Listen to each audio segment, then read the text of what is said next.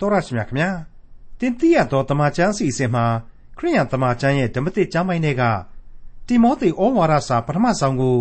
လေ့လာပြီးစီးခဲ့တဲ့နောက်မှာတော့တစ်ဆက်တည်းတိမောသေဩဝါဒစာဒုတိယဆုံးကိုဆက်လက်လေ့လာသွားမှာဖြစ်ပါတယ်ဒီကနေ့တင်တိရသောတမန်ကျမ်းစီစဉ်မှာလေ့လာမှာဖြစ်တဲ့တိမောသေဩဝါဒစာဒုတိယဆုံးလေ့လာမှုဏ္ဍာန်းပိုင်းမှာကမ္ဘာသမိုင်းနဲ့ခရိယန်တမန်ကျမ်းရဲ့ဓမ္မသမိုင်းဖော်ပြချက်တွေကို ခုနှစ်တက္ကရာအချိန်ကာလအပိုင်းအခြားများအလိုက်ဖြစ်ပေါ်မှုတွေကို လေ့လာကြရမှာဖြစ်ပါတယ်။ခရိယန်အသင်းတော်အဖွဲ့အစည်းတွေရဲ့ဝမ်းနည်းကြေကွဲဖွယ်ရာဖောက်ပြန်ပျက်စီးခြင်းများကိုလည်းတမန်တော်ကြီးရှင်ပေါလုဟာ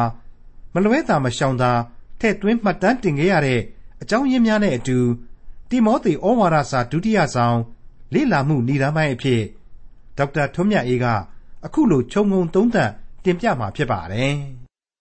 နှုတ်ကပတ်တော်အသက်လန်းအကြောင်းကိုစိတ်ဝင်စားစွာနာတော်တာဆင်းနေကြသူမိတ်ဆွေတို့ကိုမင်္ဂလာပါလို့ကျွန်တော်တို့တင်ပြရသောတမန်ကျန်အဖွဲ့ကနှုတ်ဆက်လိုက်ပါတယ်။ဒီကနေ့ဒီအချိန်မှာတော့ကျွန်တော်တို့ဟာတိမောသေဩဝါဒစာရဲ့ဒုတိယစာဆောင်ကြီးရဲ့အလှည့်ကိုရောက်ရှိလာပါပြီ။ထုံးစံအတိုင်းဒီကနေ့အဖို့ကတော့ဒီကျမ်းရဲ့မိတ်ဆက်ခြင်းကန္တမိတ်ဆက်ခြင်းအခမ်းအနားကိုကျင့်ပပြုလို့ရတော့မှာပါ။မိတ်ဆက်တယ်မိတ်ဆက်တယ်ဆိုပြီးတော့ပြော့ပြော့နေရတာကတော့ introduction ဆိုပြီးတော့ သင်သိရသောသမာကျမ်းရဲ့မူရင်းမှာဖော်ပြထားတော့ကျွန်တော်အနေနဲ့ကလေ introduction ဆိုတဲ့အတိုင်းပဲမိတ်ဆက်တယ်ဆိုပြီးပြောရတာပါ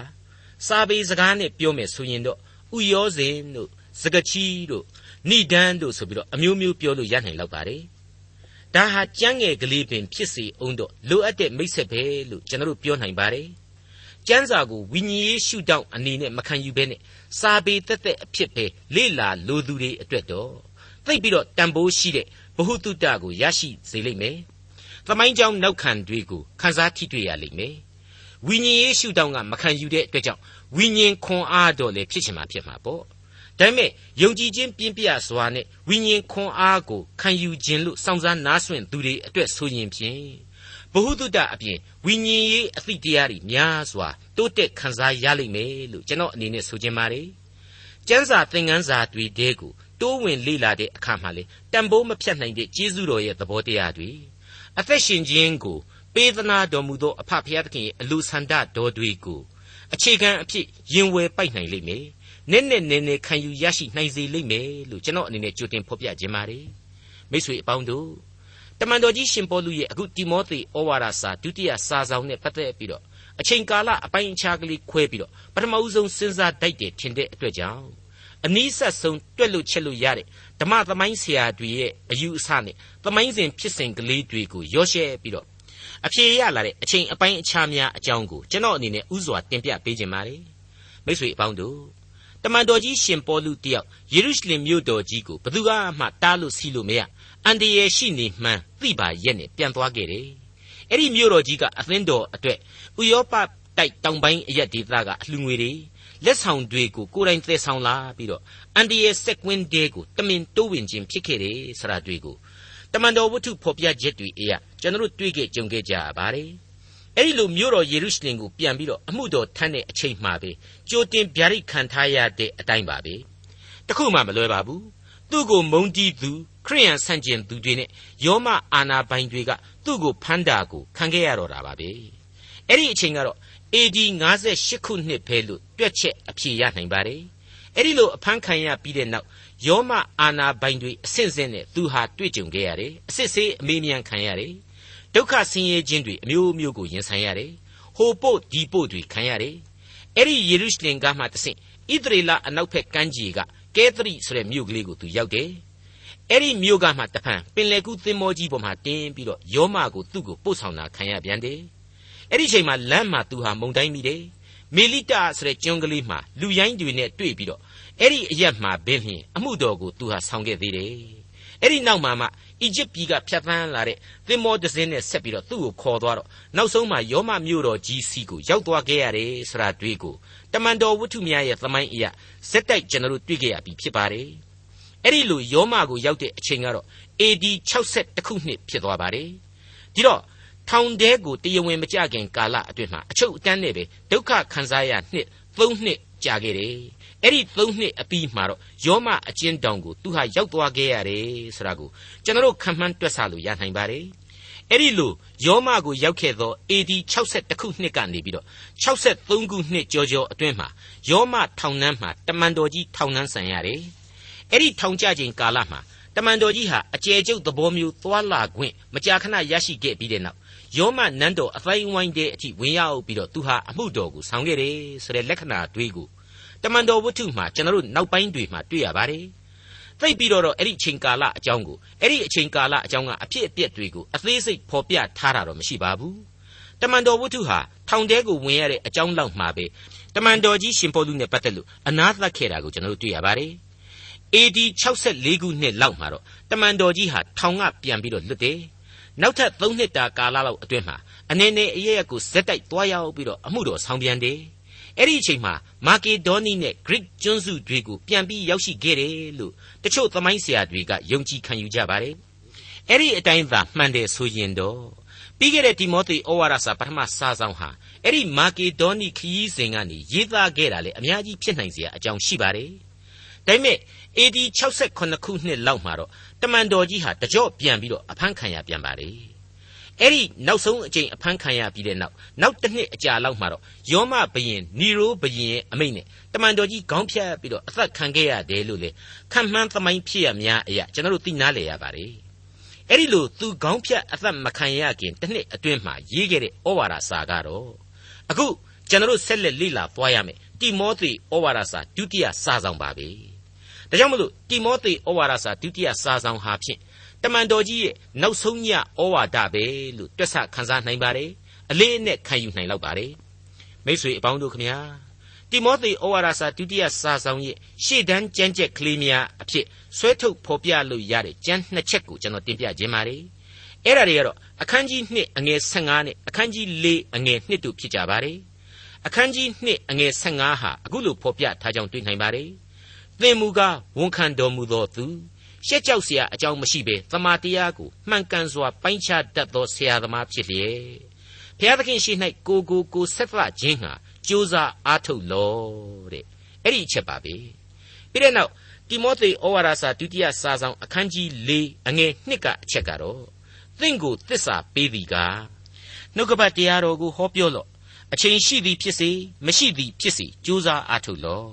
အပြစ်ကိုဖော်ပြလော့ဆုံးမခြင်းကိုပြုလော့အလွန်ရှည်သောစိတ်နှင့်ဩဝါဒမျိုးကိုပေး၍တိုက်တွန်းသွေးဆောင်လော့တဲ့အဲ့ဒီလိုဖြစ်ပါလေဒီကြမ်းကြက်တွေတဲကအနှစ်သာရတစ်ခုကိုပဲရအောင်ထုတ်ယူပါဆိုရင်တော့ဒီကြမ်းကြက်ရှေ့တန်းကြမ်းကြက်လို့ကျွန်တော်ဖော်ပြခဲ့တဲ့ကြမ်းကြက်နှစ်ခုတဲကအနှစ်သာရတစ်ခုတဲကိုပဲမရရအောင်ထုတ်ယူပါဆိုရင်တော့မိษွေဘယ်အနှစ်သာရအတိတ်ပဲကိုရယူလိုပါသလဲကျွန်တော်အဲ့ဒီကြမ်းနှစ်ချက်ကိုပြန်ပြီးတော့ဖတ်ပြပါရစေ တစ်ကတော့သင်မူကားဝန်ခံတော်မူသောသူရှက်ကြောက်เสียအကြောင်းမရှိဘဲသမာတရားကိုမှန်ကန်စွာပိုင်းခြားတတ်သောဆရာသမားဖြစ်လျက်ဖျားသခင်ရှိ၌ကိုကိုကိုဆက်သခြင်းဟာကြိုးစားအားထုတ်လို့ဆိုတဲ့အချက်ဖြစ်ပါတယ်။နှစ်အချက်ကတော့သစ္စာကိုပေးသည်ကားနှုတ်ကပတ်တရားတော်ကိုဟောပြောလော့အချိန်ရှိသည်ဖြစ်စေမရှိသည်ဖြစ်စေကြိုးစားအားထုတ်လော့အပြစ်ကိုဖော်ပြလော့ ဆုံးမခြင်းကိုပြုလော့အလွန်ရှည်သောစိတ်နှင့်ဩဝါဒမျိုးကိုပေး၍တိုက်တွန်းသွေးဆောင်လို့တဲ့ဒီတော့ကျွန်တော်သင်သိရသောသမာကျမ်းအဖွဲ့အနေနဲ့ကတော့ရိုးရိုးလေးပဲတွေးတောပြီးတော့အနှစ်သာရထုတ်ယူနိုင်တာကတော့ဒီကျမ်းနှစ်ခုစလုံးရဲ့အနှစ်သာရဟာဖျားသခင်၌တစ္ဆာစောင့်တည်ခြင်းပဲဟုတ်ပါတယ်မိတ်ဆွေအပေါင်းတို့အဲ့ဒီဖျားသခင်၌တစ္ဆာစောင့်တည်ခြင်းဆိုတဲ့အနှစ်သာရကို ဒီတိမောသေဩဝါဒစာဒုတိယစာဆောင်တစ်ခုလုံးဟာအပိုင်းလိုက်ခွဲပြီးတော့ဖော်ပြသွားလိမ့်မယ်လို့ကျွန်တော်ဆက်လက်ပိုင်းခြားတင်ပြခြင်းပါတယ်ပထမအခန်းကြီး1ဟာဆိုရင်ဒုက္ခခံစား၍သစ္စာစောင့်တည်ခြင်းတဲ့ဒုတိယအခန်းကြီး2ကျတော့အမှုတော်ကိုဆောင်၍သစ္စာစောင့်တည်ခြင်းလို့ကျွန်တော်ပိုင်းခြားခြင်းပါတယ်တတိယအခန်းကြီး3ကနေအခန်းကြီး4အငယ်9အထိကတော့ဖောက်ပြန်ခြင်းများတို့အလဲမှာသစ္စာစောင့်တည်ခြင်းလို့ကျွန်တော်ဆိုခြင်းပါတယ် နောက်ဆုံးသရုတ်တအချက်သစ္စာစောင့်တည်ခြင်းကတော့အခန်းကြီး၄ရဲ့အငယ်6ကနေအဆုံးအထိဏိဂုံးပိုင်းမှာဖော်ပြပေးသွားမယ်။ယုံကြည်သူတို့အားသစ္စာစောင့်သိတော်မူသောဖရာသခင်ဆိုတဲ့ခေါင်းစဉ်နဲ့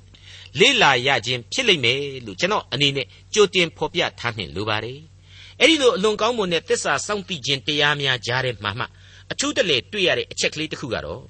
ကျွန်တော်စောစောပိုင်းကတင်ပြခဲ့တဲ့နောက်ဆုံးညဩဝါဒရဲ့ အမှောင်တုကိုထင်ရှားစွာသက်သေတီးပေးထားတဲ့အပိုင်းကလေးပဲဖြစ်ပါတယ်လွန်းစရာလိုလိုကြေကွဲစရာလိုလိုခံစားရစီမယ့်အပိုင်းဖြစ်တယ်တစ်ချိန်တည်းမှာအင်မတန်ရဲရင်တည်ကြီးတဲ့နှလုံးသားကယိုစီးထွက်ပေါ်လာတဲ့ဝိညာဉ်ရသနဲ့လေပြည့်စုံနေပြန်တယ်လို့ဆိုရမယ့်အပိုင်းကလေးဖြစ်နေပါတယ်ဟုတ်ပါတယ်ဒါကိုဒီဩဝါဒစာရဲ့ဏိဂုံးကျမ်းအခန်းကြီး၄အလယ်ပဟုမှာတမန်တော်ကြီးထက်သွင်းဖော်ပြထားပါတယ်။သမိုင်းဝင်သောကျမ်းပိုင်းပဲလို့ကျွန်တော်ဆိုပြရစီ။ တိမောသေဩဝါဒစာဒုတိယစာဆောင်အခန်းကြီး၄အငယ်6ကနေ8အတွင်းမှာကြည့်ရင်အခုလိုတွေ့ရပါတယ်အကြောင်းမူကားငါကိုရစ်ပေါ်မှာလောင်းရသောအချိန်ရှိပြီစုတရသောအချိန်ရောက်လေပြီကောင်းစွာသောတိုက်လှန်ခြင်းကိုငါပြုပြီးပြေးရသောလမ်းကိုအဆုံးတိုင်အောင်ပြေးပြီယုံကြည်ခြင်းတရားကိုစောင့်ရှောက်ပြီးယခုမှစ၍ဓမ္မသရဖုသည်ငါအဖို့သို့ထားလျက်ရှိ၏ ထိုနေ့ရ၌တရားသဖြင့်စီရင်သောသူဒီဟုသောသခင်ဖျားသည် ထိုတရဖုကိုငါ၌အပ်ပေးတော်မူမည်ထိုမြမကပေါ်ထွန်းတော်မူခြင်းကိုတောင့်တသောသူအပေါင်းတို့၌လေအပ်ပေးတော်မူမည်တဲ့မိတ်ဆွေအပေါင်းတို့ခမညာတိမောသေဩဝါဒစာဒုတိယစာဆောင်ဟာတမန်တော်ကြီးရဲ့နေဝင်မိုးချုပ်စာတပုတ်ဖြစ်တာနဲ့အညီပုဂ္ဂိုလ်ရေးသက်သက်အမြင်ကလေးတွေလည်းအများဆုံးပါဝင်သွားပါလိမ့်မယ်ဟုတ်ပါတယ်မိတ်ဆွေ အဲ့ဒီလိုနောက်ဆုံးညဩဝါဒဖြစ်ခြင်းရဲ့အရေးနိမိတ်တွေနောက်ဆုံးအချိန်တမန်တော်ကြီးရဲ့မြည်တမ်းခြင်းကလေးတွေကိုတခြားဘယ်ဩဝါဒစာမှမှကျွန်တော်တို့မတွေ့နိုင်ပါဘူးဒါကြောင့်အလွန်ထူးခြားသောကျမ်းတစုဖြစ်တယ်လို့ကျွန်တော်အနေနဲ့မှတ်ချက်ချခြင်းပါတယ်တမန်တော်ကြီးကနေပြီးတော့ငါစုတည်ရခြင်းရောက်ပြီဓမ္မတရဖူကိုငါခံယူရရှိပြီဒါကိုဘုရားသခင်ငါ့ကိုပြင်ဆင်ပေးမှာဖြစ်တယ်လူတိုင်းကိုလေလိုချင်ရင် တောင့်တတယ်ဆိုရင်ပေးမှာပါပဲဆိုတဲ့အသံကိုကြားရတော့မောရှိဆိုတဲ့ဣသရေလခေါင်းဆောင်ကြီးရဲ့နောက်ဆုံးအချိန်စကားသံတွေကိုလည်းပြန်ပြီးတော့ကြားယောင်စရာပဲလို့ကျွန်တော်ယင်ထဲမှာခန်းစားမိပါတယ်မှန်ပါတယ်တရားဟောရာကျမ်းအခန်းကြီး31အငယ်24ကနေ29ကိုနားဆင်ကြည့်စီခြင်းပါတယ်မောရှိသည်ဤပြည့်ညတ်တရားစကားတော်အလုံးစုံတို့ကိုအကုန်အစင်ရေးထားပြီးမှထာဝရဘုရား၏ဗြိညင်သက်တာတော်ကိုထမ်းသောလေဝိသားတို့ကိုခေါ်၍ ဤပြည့်ညတ်တိကျမ်းစာသည်သင်တို့အမျိုးတစ်ဖက်၌သက်သေဖြစ်မည်အကြောင်းထိုစာကိုယူ၍သင်တို့ဘုရားသခင်ထာဝရဘုရား၏ဗြိညင်သက်တာတော်အနားမှတင်ထားကြလော့သင်တို့အမျိုးသည်ပုန်ကန်တတ်သောသဘောခိုင်မာသောသဘောရှိကြောင်းကိုငါသိ၏ငါအသက်ရှင်၍သင်တို့တွင်နေစဉ်အခါယနေ့ပင်သင်တို့သည်ထာဝရဘုရားကိုပုန်ကန်ကြပြီငါသေသောနောက်ထိုမျှမကပြုကြလိမ့်မည်သင်တို့အမျိုးအနွယ်အသက်ကြီးသူအရာရှိသူအပေါင်းတို့ကိုငါထံမှစုဝေးစေကြလော့ ဤစကားတို့ကိုသူတို့အားဟောပြော၍သူတို့တစ်ဖက်၌ကောင်းကင်မြေကြီးကိုငါတိုင်တည်မည်အကြောင်းမူကားငါသေသောနောက်သင်တို့သည်လုံလုံဖောက်ပြန်၍ငါမှားထားသောလမ်းမှလွှဲသွားကြလိမ့်မည်ကိုငါသိ၏နောင်ကာလတွင်ထာဝရဘုရားရှိတော်၌ဒုစရိုက်ကိုပြု၍ကိုလက်နှင့်လှုပ်ဆောင်သောအဖြစ်အမျက်တော်ကိုနှိုးဆော်သောကြောင့်သင်တို့သည်ဘေးဥပတ်နှင့်တွေ့ကြုံကြလိမ့်မည်ဟုသတိပေးလေ၏ပြီးတော့မှတခါ သူ့ရဲ့နောက်ဆုံးသောဩဝါဒကထာရဲ့ဏိဒန်းကြတော့အခုလိုတွေ့ရပြန်ပါတယ်အဲ့ဒီအခန်းကြီး31ရဲ့ဏိဂုံးနဲ့အခန်းကြီး32ရဲ့ဏိဒန်းကိုစုပေါင်းပြီးတော့ဖတ်ရှုမယ်ဆိုရင်မောရှေသည်ဣသရေလပရိသတ်အပေါင်းတို့အားအကုန်အစင်မွဲ့ဆိုသောတည်ခြင်းစကားဟုမူကားအိုကောင်းကင်နားထောင်လော့ငါပြောမည်အိုမြေကြီးငါမွဲ့ဆိုသောစကားကိုကြားလော့ငါဒေသနာသည်မိုးရေကဲ့သို့ဆက်ဆက်ကြ၍ငါစကားသည်နှင်းကဲ့သို့ဖြင်းညင်းစွာတက်ရောက်လိမ့်မည် နှုသောပြိုးပင်ပေါ်မှရွာသောမိုးကဲ့သို့၎င်းမြက်ပင်ပေါ်မှများပြားသောမိုးရေကဲ့သို့၎င်းဖြစ်လိမ့်မည်ငါသည်ထာဝရဘုရား၏နာမတော်ကိုဖော်ပြသည်ဖြစ်၍ငါတို့ဘုရားသခင်၏ဘုံအာနုဘော်တော်ကိုချီးမွမ်းကြလော့ဘုရားသခင်သည်မူလအမြင့်ဖြစ်၍အမှုတော်သည်စုံလင်ပေ၏စီရင်တော်မူသမျှတို့သည်တရားနှင့်ညီလျက်သစ္စာဆောင်သောဘုရားအပြစ်ကင်းလွတ်၍ဟုတ်မှန်ဖြောင့်မတ်သောဘုရားဖြစ်တော်မူ၏အဲ့ဒီလိုတွေ့ကြရပြီးဖြစ်ပါလေ ဒီတော့အခုတမန်တော်ကြီးရှင်ပေါလုရဲ့ဏိဂုံးချုပ်ဩဝါဒစကားသံတွေဟာသူ့မတိုင်မီလွန်ခဲ့သောနှစ်ပေါင်း2500ခန့်ကအသံတွေအတိုင်းပဲအခြေခံအားဖြင့်ဘာမှမကွဲပြားမခြားနာလှပါဘူးဝန်းနေစရာဖြစ်တယ်တစ်ချိန်တည်းမှာပဲရဲရင်သောဝိညာဏလူသားကြီးများစီကဘုရားသခင်သိစေခြင်းသောဗျာဒိတ်များပဲဖြစ်နေတယ်ဆိုတာကိုတူပြိုင်နီးပါးမျှခံယူစဉ်းစားဖို့လိုလိမ့်မယ်လို့ကျွန်တော်တွေးတောဆင်ခြင်မိပါတယ် ဒါတွေကိုမိษွေတို့ကိုဖော်ပြသွားမယ်တိမောသေဩဝါဒစာဟာဖြင့်ကျွန်တော်တို့ကိုအထူးတလေကျေးဇူးပြုသွားအောင်မဲ့အကြောင်းကိုကျွန်တော်အနေနဲ့ထပ်မံဖြည့်ဆွဲပါရစေမိษွေအပေါင်းတို့ခမညာတဒီတက်ပို့ပြီးတော့ဝန်းနေပွေကောင်းနေတာကတော့အသင်းတော်ရဲ့ဖောက်ပြန်ပျက်စီးခြင်းဆိုတဲ့အနာဂတ်အတိတ်နမိတ်အရေးမဲကြီးတွေကိုပါတမန်တော်ကြီးရှင်ပေါလုဟာဒီဩဝါဒစာထဲမှာမလွှဲမရှောင်ထည့်သွင်းသွားရခြင်းပါပဲတမန်တော်ကြီးတို့ရဲ့ခေတ်မှာရှေးပရောဖက်ကြီးတွေရဲ့ခေတ်ကလို့ အနာဂတ်ကျမ်းတွေရေးတော့တဲ့ခေတ်တော့မဟုတ်ပါဘူးဘုရားသခင်ကိုတော်တိုင်ကမင်းဘယ်လိုဘယ်လိုရေးလိုက်စမ်းဆိုပြီးတော့ပြောတဲ့ပုံစံမျိုးနဲ့မဟုတ်နိုင်တော့ပါဘူးဒါကြောင့်ငါမိမ့်မှာတော်မူသည်ကားတို့ထာဝရဘုရားမွဲ့ဆိုသည်ကားတို့ဆိုတဲ့ရှေးစကားတွေမပါဝင်တော့ပါဘူးတမန်တော်ကြီးတို့ရဲ့ခေတ်ဟာတန်ရှင်းသောဝိညာဉ်တော်ရဲ့ဥဆောင်လမ်းပြမှုနဲ့ကျေးဇူးဂရုနာတော်ရဲ့သဘောကိုသာပို့ပြီးတော့အဓိကထားတဲ့အချိန်ကိုရောက်ရှိနေပါပြီ။ ဒါကြောင့်မို့လို့လေတိမောသေဩဝါဒစာပထမစာဆောင်တုန်းကဆိုရင်အသင်းတော်တွင်ဖောက်ပြန်ပျက်စီးခြင်းတွေဆိုတာကိုဝိညာဉ်တော်သည်အတိအလင်းဗျာဒိတ်ထားတော်မူသည်ကားနောင်ကာလ၌ဆိုပြီးတော့အခန်းကြီး၄မှာဆိုဖွဲ့ခဲ့တာကိုတွေ့ရပါတယ်။အဲ့ဒီဗျာဒိတ်ကိုအခုတိမောသေဩဝါဒစာဒုတိယစာဆောင်မှာကျတော့အခန်းကြီး3ရဲ့အစအားဖြင့်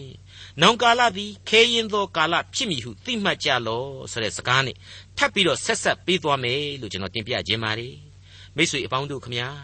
အဲ့ဒီအနာဂတ်အနှစ်သာရရှိတဲ့ဗျာဒိတ်တော်တွေဟာအသင်းတော်ရဲ့လို့မမမမဖြစ်ထွန်းလာခြင်းယုံကြည်သူလူသားတွေပွားများလာခြင်းကလေးကစပြီးတော့အမှန်တကယ်သမိုင်းတွင်လောက်အောင်ပြီးပြည့်စုံခဲ့သောဗျာဒိတ်များဖြစ်ခဲ့ပါတယ်တမန်တော်ကြီးဟာဒီအချက်တွေကိုကြိုးပြီးတော့ဟောကြားနိုင်ခဲ့တယ်သွန်သင်နိုင်ခဲ့တယ်ကြိုတင်ပြီးတော့ဗျာဒိတ်ပြုနိုင်ခဲ့တယ်ဆရာဟာဝိညာဉ်တော်ရဲ့သွန်သင်လမ်းပြခြင်းကြောင့်သာပါပဲ အံ့ဩဖို့ကောင်းနေတာကတော့အသင်းတော်တို့ရဲ့သမိုင်းတစ်လျှောက်မှာအဲ့ဒီလိုဖောက်ပြန်ပြောင်းလဲပျက်စီးခြင်းတွေဟာလေမယုံစရာကောင်းလောက်အောင်အမှန်ရှိခဲ့တယ်ဇာတိပဂရိလူသားအပေါင်းတို့ဟာအဲ့ဒီလိုနဲ့ပဲမနုဿအသံလှိုင်းများနဲ့ခက်ရိုင်းရိုင်းတန်တရားလဲခဲ့စမြဲပဲဆိုတဲ့သဘောတရားကိုကျွန်တော်မိတ်ဆွေတို့သင်ခန်းစာယူဖို့ရန်အတွက်ဒီတိမောသေဩဝါဒစာဒုတိယစာဆောင်ရဲ့သင်ခန်းစာများဟာများစွာအကျိုးပြုသွားမှာဖြစ်ပါတယ်။ အဲ့ဒီလိုဖောက်ပြန်ပျက်စီးမှုဆိုတာကို apostasy ဆိုတဲ့ဝေါ်ဟာရနဲ့သုံးပါတယ်။ဒါကိုယုံကြည်ခြင်းအခြေခံမူများမှသွေးဖီးခြင်းဆိုပြီးတော့ Webster ဆိုတဲ့ပုဂ္ဂိုလ်ကြီးကသတ်မှတ်ဖော်ပြထားပြီးတော့သိလျက်နှင့်တမင်လှုပ်သောအပြစ်နဲ့အပြစ်လူသားတို့ရဲ့ရဲရဲတင်းတင်းဆောင်ရွက်ချက်အဖြစ်ကျွန်တော်နားလည်ရပါတယ်။အဲ့ဒီတိမောသေဩဝါဒစာဒုတိယစာဆောင်ရဲ့သဘောတရားအရဆိုရင်အပြစ်စာတိပဂရိတာဖြစ်တဲ့လူအဖွဲ့အစည်းဟာ ဘယ်နည်းနဲ့မှကဲတင်ခြင်းအလင်းတရားကိုပြီးပြည့်စုံစွာခန်းစားနိုင်မှာမဟုတ်ဘူးဆိုတဲ့အဖြေကိုတမန်တော်ကြီးမှတဆင့်ကျွန်တော်နားလေခန်းစားလာရစေလိမ့်မယ်လို့လည်းကျွန်တော်ဆိုချင်ပါတယ်ဒါဟာကိုယ့်လူပေါင်းလောကကိုလူသားအဓိကလူဟာစัจ java လာကိုအစိုးရတယ်ဆိုပြီးတော့ကြွားလုံးထုံနေတဲ့လူသားတို့ရဲ့မာနကိုကြိုးကြသွားစေတဲ့အချက်တစ်ခုပဲလို့ကျွန်တော်တို့ဆိုချင်ပါတယ်မိတ်ဆွေအပေါင်းတို့ထို့ရမက ကျွန်တော်အသင်းတော်နဲ့ယုံကြည်သူအပေါင်းတို့အဖို့မိမိတို့ရဲ့မျက်မှောက်အချိန်ကာလမှာကိုယ်တိုင်ဟာကိုဖောက်ပြန်ခြင်းပြေဝတဲ့လူအဖွဲ့အစည်းတဲကသာမန်လူသားတစ်ယောက်သာဖြစ်နေတယ်ဆိုတဲ့အချက်ကိုလေအပြည့်ရှိသောလူသားတစ်ယောက်သာဖြစ်နေတယ်ဆိုတဲ့အချက်ကိုလေနှိမ့်ချယူကျိုးစွာခန်းစားရစေလိမ့်မယ်လို့ကျွန်တော်တွေးမိပါတယ်မိတ်ဆွေအပေါင်းတို့ကျွန်တော်ကိုကယ်တင်ရှင်သခင်ခရစ်တော်ကိုတော်တိုင်ဟာသူ့ရဲ့ဒုတိယအကြိမ်ကြွလာတော်မူမဲ့အချိန် ယုံကြည်ခြင်းရှိတဲ့လူသားတွေကိုမှငါတွေ့ရပါမလားဆိုတဲ့အမေရှိခဲ့ဘူးတာကိုမမေ့ဖို့လိုပါတယ်ဒီအချက်ဟာကျွန်တော်အကြိမ်ကြိမ်ပြောခဲ့ဘူးတဲ့ fallen nature လို့ခေါ်တဲ့ကြဆုံးနေရသောလူသားတို့ရဲ့အနှုတ်လက္ခဏာအခြေစိုးကိုဖော်ပြပေးပါတယ်ရှင်လုကာခရစ်ဝင်ကျမ်းအခန်းကြီး78အငယ်9နဲ့10ကိုပြန်ပြီးတော့ကြည်ပါရှင်းလင်းပြတ်သားစွာနားလည်နိုင်လောက်ပါလိမ့်မယ်ဖျားသခင်ရွေးကောက်တော်မူသောသူတို့သည်ညနေမပြတ်အော်ဟစ်၍တောင်းလျှောက်လျင် ဘုရားသခင်သည်သူတို့ဘက်၌တရားမစီရင်ဘဲနေတော်မူမည်လောကြာမြင့်စွာသီးခံတော်မူမည်လောငါဆိုသည်ကားသူတို့ဘက်၌အလျင်အမြန်တရားစီရင်တော်မူမည်သို့တော်လေလူသားသည်ကြွလာသောအခါယုံကြည်ခြင်းကိုမြေပေါ်မှတွေ့မည်လောဟုသခင်ဖျားသည်မိန့်တော်မူ၏တဲ့မိတ်ဆွေအပေါင်းတို့အဲ့ဒီလိုအပြစ်နှောင်ဖွဲ့သောကမ္ဘာလောကကြီးဟာဘယ်လိုလူမှုရေးသိပ္ပံတွေအမြင်သစ်တွေ ဘယ်လိုဘယ်လိုလောကအဘိဓမ္မာတွေနဲ့မှစရိတ်တနဲ့စိတ်ဓာတ်ရေးရာကိုချင်းတရားပိုင်းတွေမှာရှေ့သို့တိုးတက်စေလိမ့်မယ်လို့ကျွန်တော်တို့သင်သိရသောတမန်ကျန်အဖွဲ့ကမယုံကြည်ပါဘူး။ဘာဖြစ်လို့လဲဆိုတော့ဖျားသခင်ရဲ့ကယ်တင်ခြင်းကျေးဇူးတော်တည်ရှိတဲ့ကြားထဲမှာပဲတရွေ့ရွေ့ပျက်စီးယိုယွင်းခြင်းတွေရှိနေတာကိုတွေ့ရလို့ဖြစ်ပါတယ်။အကယ်၍ဒီဖော်ပြချက်ကိုမကြိုက်ဘူးလူအဖွဲ့အစည်းကိုနှိမ်တယ်အစိုးမြင်ဝါဒဆန်လွန်းတယ်လို့များထင်တယ်ဆိုရင်တော့ဒီကနေ့တည်းအထိတည်ရှိနေတဲ့ကပ္ပသမိုင်းအတွင်းမှာ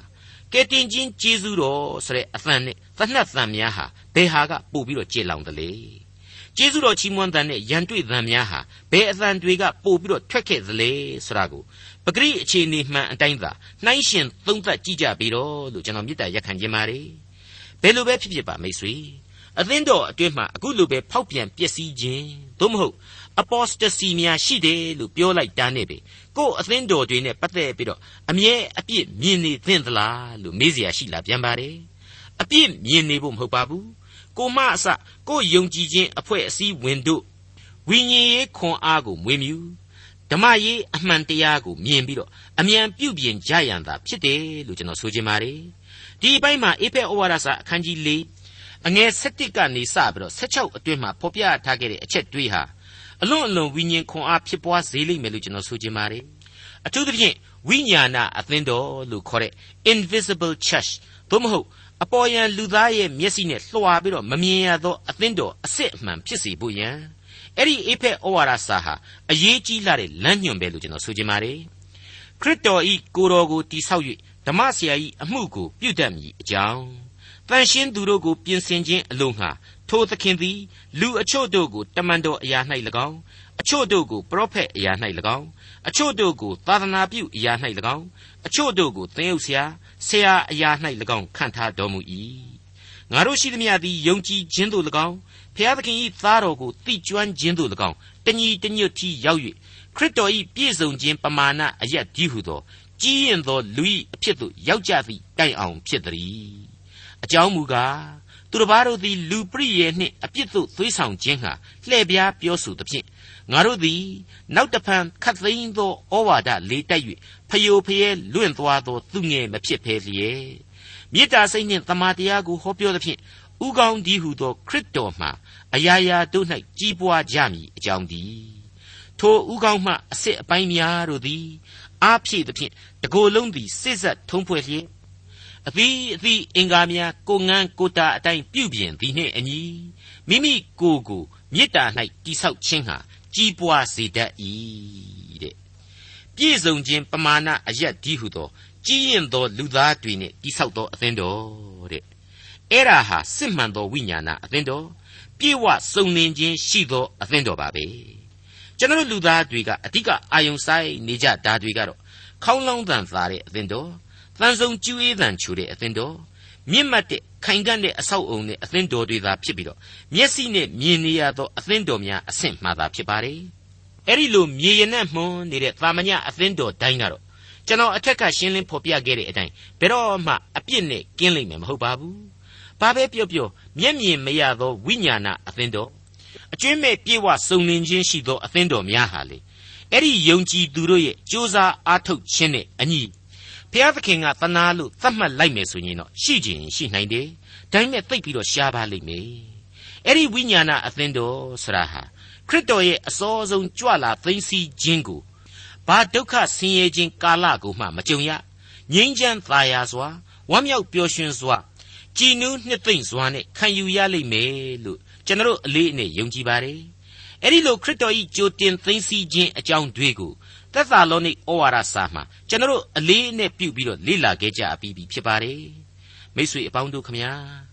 မျက်မြင်မရသောအသင်းတော်သို့မဟုတ်ဝိညာဏအသင်းတော်လို့ကျွန်တော်ဖော်ပြတယ် invisible church အသင်းတော်ကိုသာဝိညာဏအသင်းတော်မှုလို့ကက္ကာလကြီးရဲ့အရင်သိသိမှဖြစ်တာမျက်မြင်ရနေတဲ့အပြစ်တောင်လိုပုံနေသောအသင်းတော်ဆိုတာကတော့စောစွာသိသိချင်းမခံရဘဲနဲ့ကက္ကာလနဲ့တရားစီရင်ခြင်းကိုခံယူရလိမ့်မယ်ဆိုတော့ ဒီယုံကြည်သူတွေအကုန်လုံးဟာပျက်စီးဆုံးရှုံးကြရမှာလားကယ်တင်ရှင်ကျေးဇူးတော်နဲ့လွဲချော်သွားရမှာလားဆိုပြီးတော့မေးစရာရှိပါ रे အဲ့ဒီအတိုင်းမဟုတ်ပြန်ပါဘူးအသေးစိတ်အားဖြင့်ကိုနဲ့ဘာမှမဆိုင်ဘုရားသခင်နဲ့ဘုရားသခင်ရဲ့လုပ်ငန်းတော်သားဖြစ်တဲ့အစီအမံကိုကျွန်တော်ညံနဲ့ဘယ်လို့မှနားမလည်နိုင်ပဲနဲ့ဝင်ပြီးတော့ကျွန်တော်အနေနဲ့ဘယ်လို့မှပြောလို့မရနိုင်ပါဘူး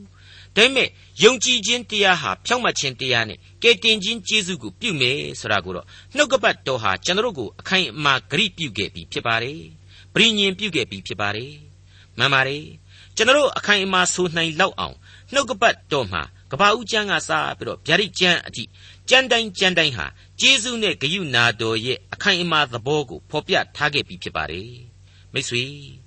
ကယ်တင်ခြင်းတရားဆိုတာဟာကျေးဇူးနဲ့ဂရုနာတော်အားဖြင့်သာလျှင်ဖြစ်ပေါ်လာတဲ့တရားပါ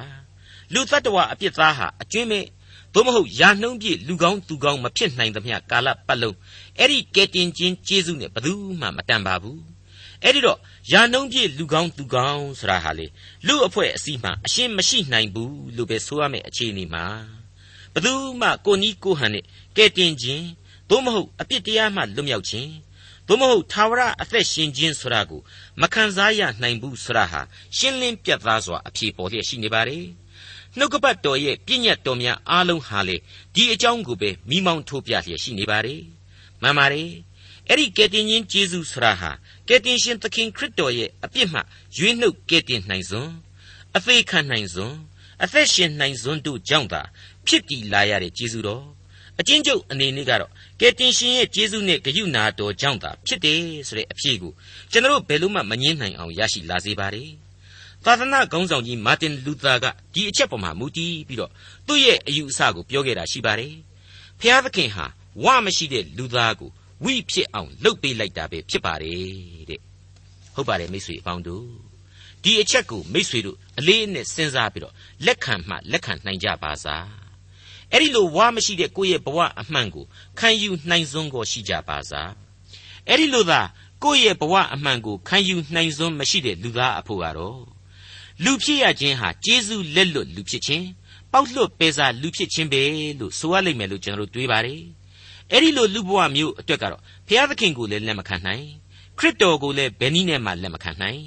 ကယ်တင်ရှင်ကျေးဇူးတော်ဆိုတာကိုတော့ဘာဆိုဘာမှထိတွေ့ခံစားနိုင်ကြလိမ့်မယ်မဟုတ်ပါဘူး ဘယ်လိုပဲဖြစ်ဖြစ်ပါမိတ်ဆွေမာနနဲ့ထောင်လွှားခြင်းများဖိစီးရာလောကကဘာကြီးအတွင်းကိုမေတ္တာဆောင်ခြင်းတဲ့အလင်းအိမ်ကြီးတစ်ခုပမာအခုတိမောသေဩဝါဒစာဒုတိယစာဆောင်ဟာရောက်ရှိတိုးဝင်လာပြီလို့မိတ်ဆက်ပေးလိုက်ပါရစေဒေါက်တာထွန်းမြတ်အေးစီစဉ်တင်ဆက်တဲ့တင်ပြတော်တမချန်းအစီအစဉ်ဖြစ်ပါတယ်နောက်တစ်ချိန်အစီအစဉ်မှာခရိယန်တမချန်းရဲ့ဓမ္မသစ်ကျမ်းပိုင်းတွေကတိမောသေဩဝါဒစာဒုတိယဆောင်အခန်းကြီး1 အခန်းငယ်1ကနေ